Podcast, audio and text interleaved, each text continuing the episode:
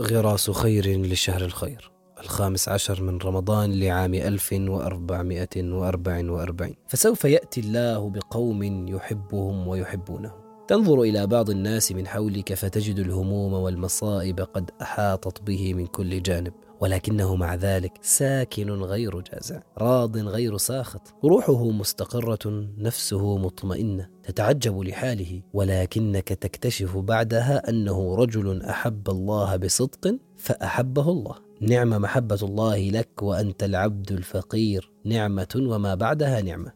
إن أحبك الله صنعك على عينه. وكلأك بحفظه وثبتك بالقول الثابت وسلمك من الآفات وحماك من الفتن. إن أحبك الله أسكن محبتك بقلب من حولك. إن أحبك الله أسكن الرضا والطمأنينة في قلبك. فتنظر للحياة بكل صعوباتها بنظرة زهد وتنظر للآخرة بنظرة تعظيم. إن أحبك الله يسر لك الأسباب وهون عليك العسير. ووفقك لفعل الخيرات وترك المنكرات. إن أحبك الله قبل منك اليسير من العمل وغفر لك الكثير من الزلل. إن أحبك الله تعش في جنة الدنيا قبل جنة الآخرة. وأي نعيم بعد هذا تطلب. تذكر إن شئت أم أبيت ما دمت قد ارتضيته ربا فإن عبوديتك له تقتضي محبته ومحبته تقتضي طاعته. فعلق قلبك به تنل المحبة والمعونة.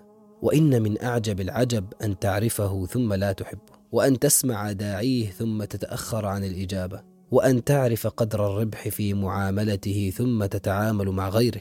وأعجب من كل ذلك أنك لا بد لك منه وأنك أحوج شيء إليه وأنت عنه معرض وفيما يبعدك عنه راغب.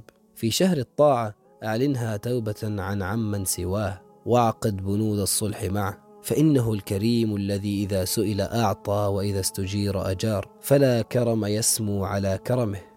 ولا إنعام يرقى إلى إنعامه والحصيف الحصيف من لاذ بحياضه. اللهم ارزقنا حبك وحب من يحبك وحب كل عمل صالح يقربنا إلى حبك.